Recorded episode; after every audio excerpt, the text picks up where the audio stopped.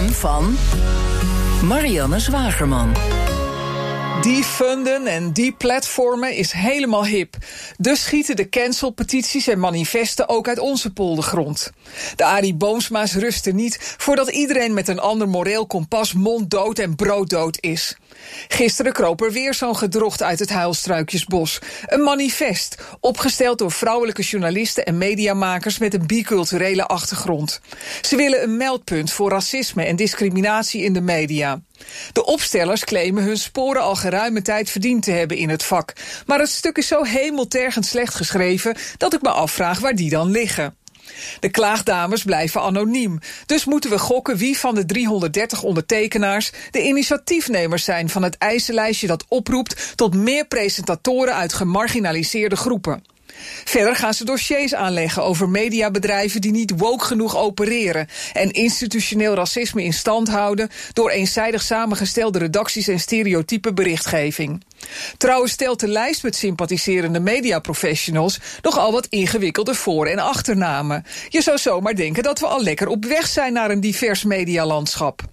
De ondertekenaars deden ongetwijfeld een rondedansje na het succes van de geestverwante actiegroep Stop Hate for Profit, die het vermogen van Mark Zuckerberg met 7 miljard dollar liet slinken door grote adverteerders onder druk te zetten. Coca-Cola en Unilever willen hun reclame niet meer op Facebook, omdat het techbedrijf te weinig zou doen tegen haat en racisme. Dat lijkt misschien goed nieuws, want niemand is blij met de macht van Facebook. Maar geen enkele mediamaker moet willen dat adverteerders zich met de inhoud bemoeien.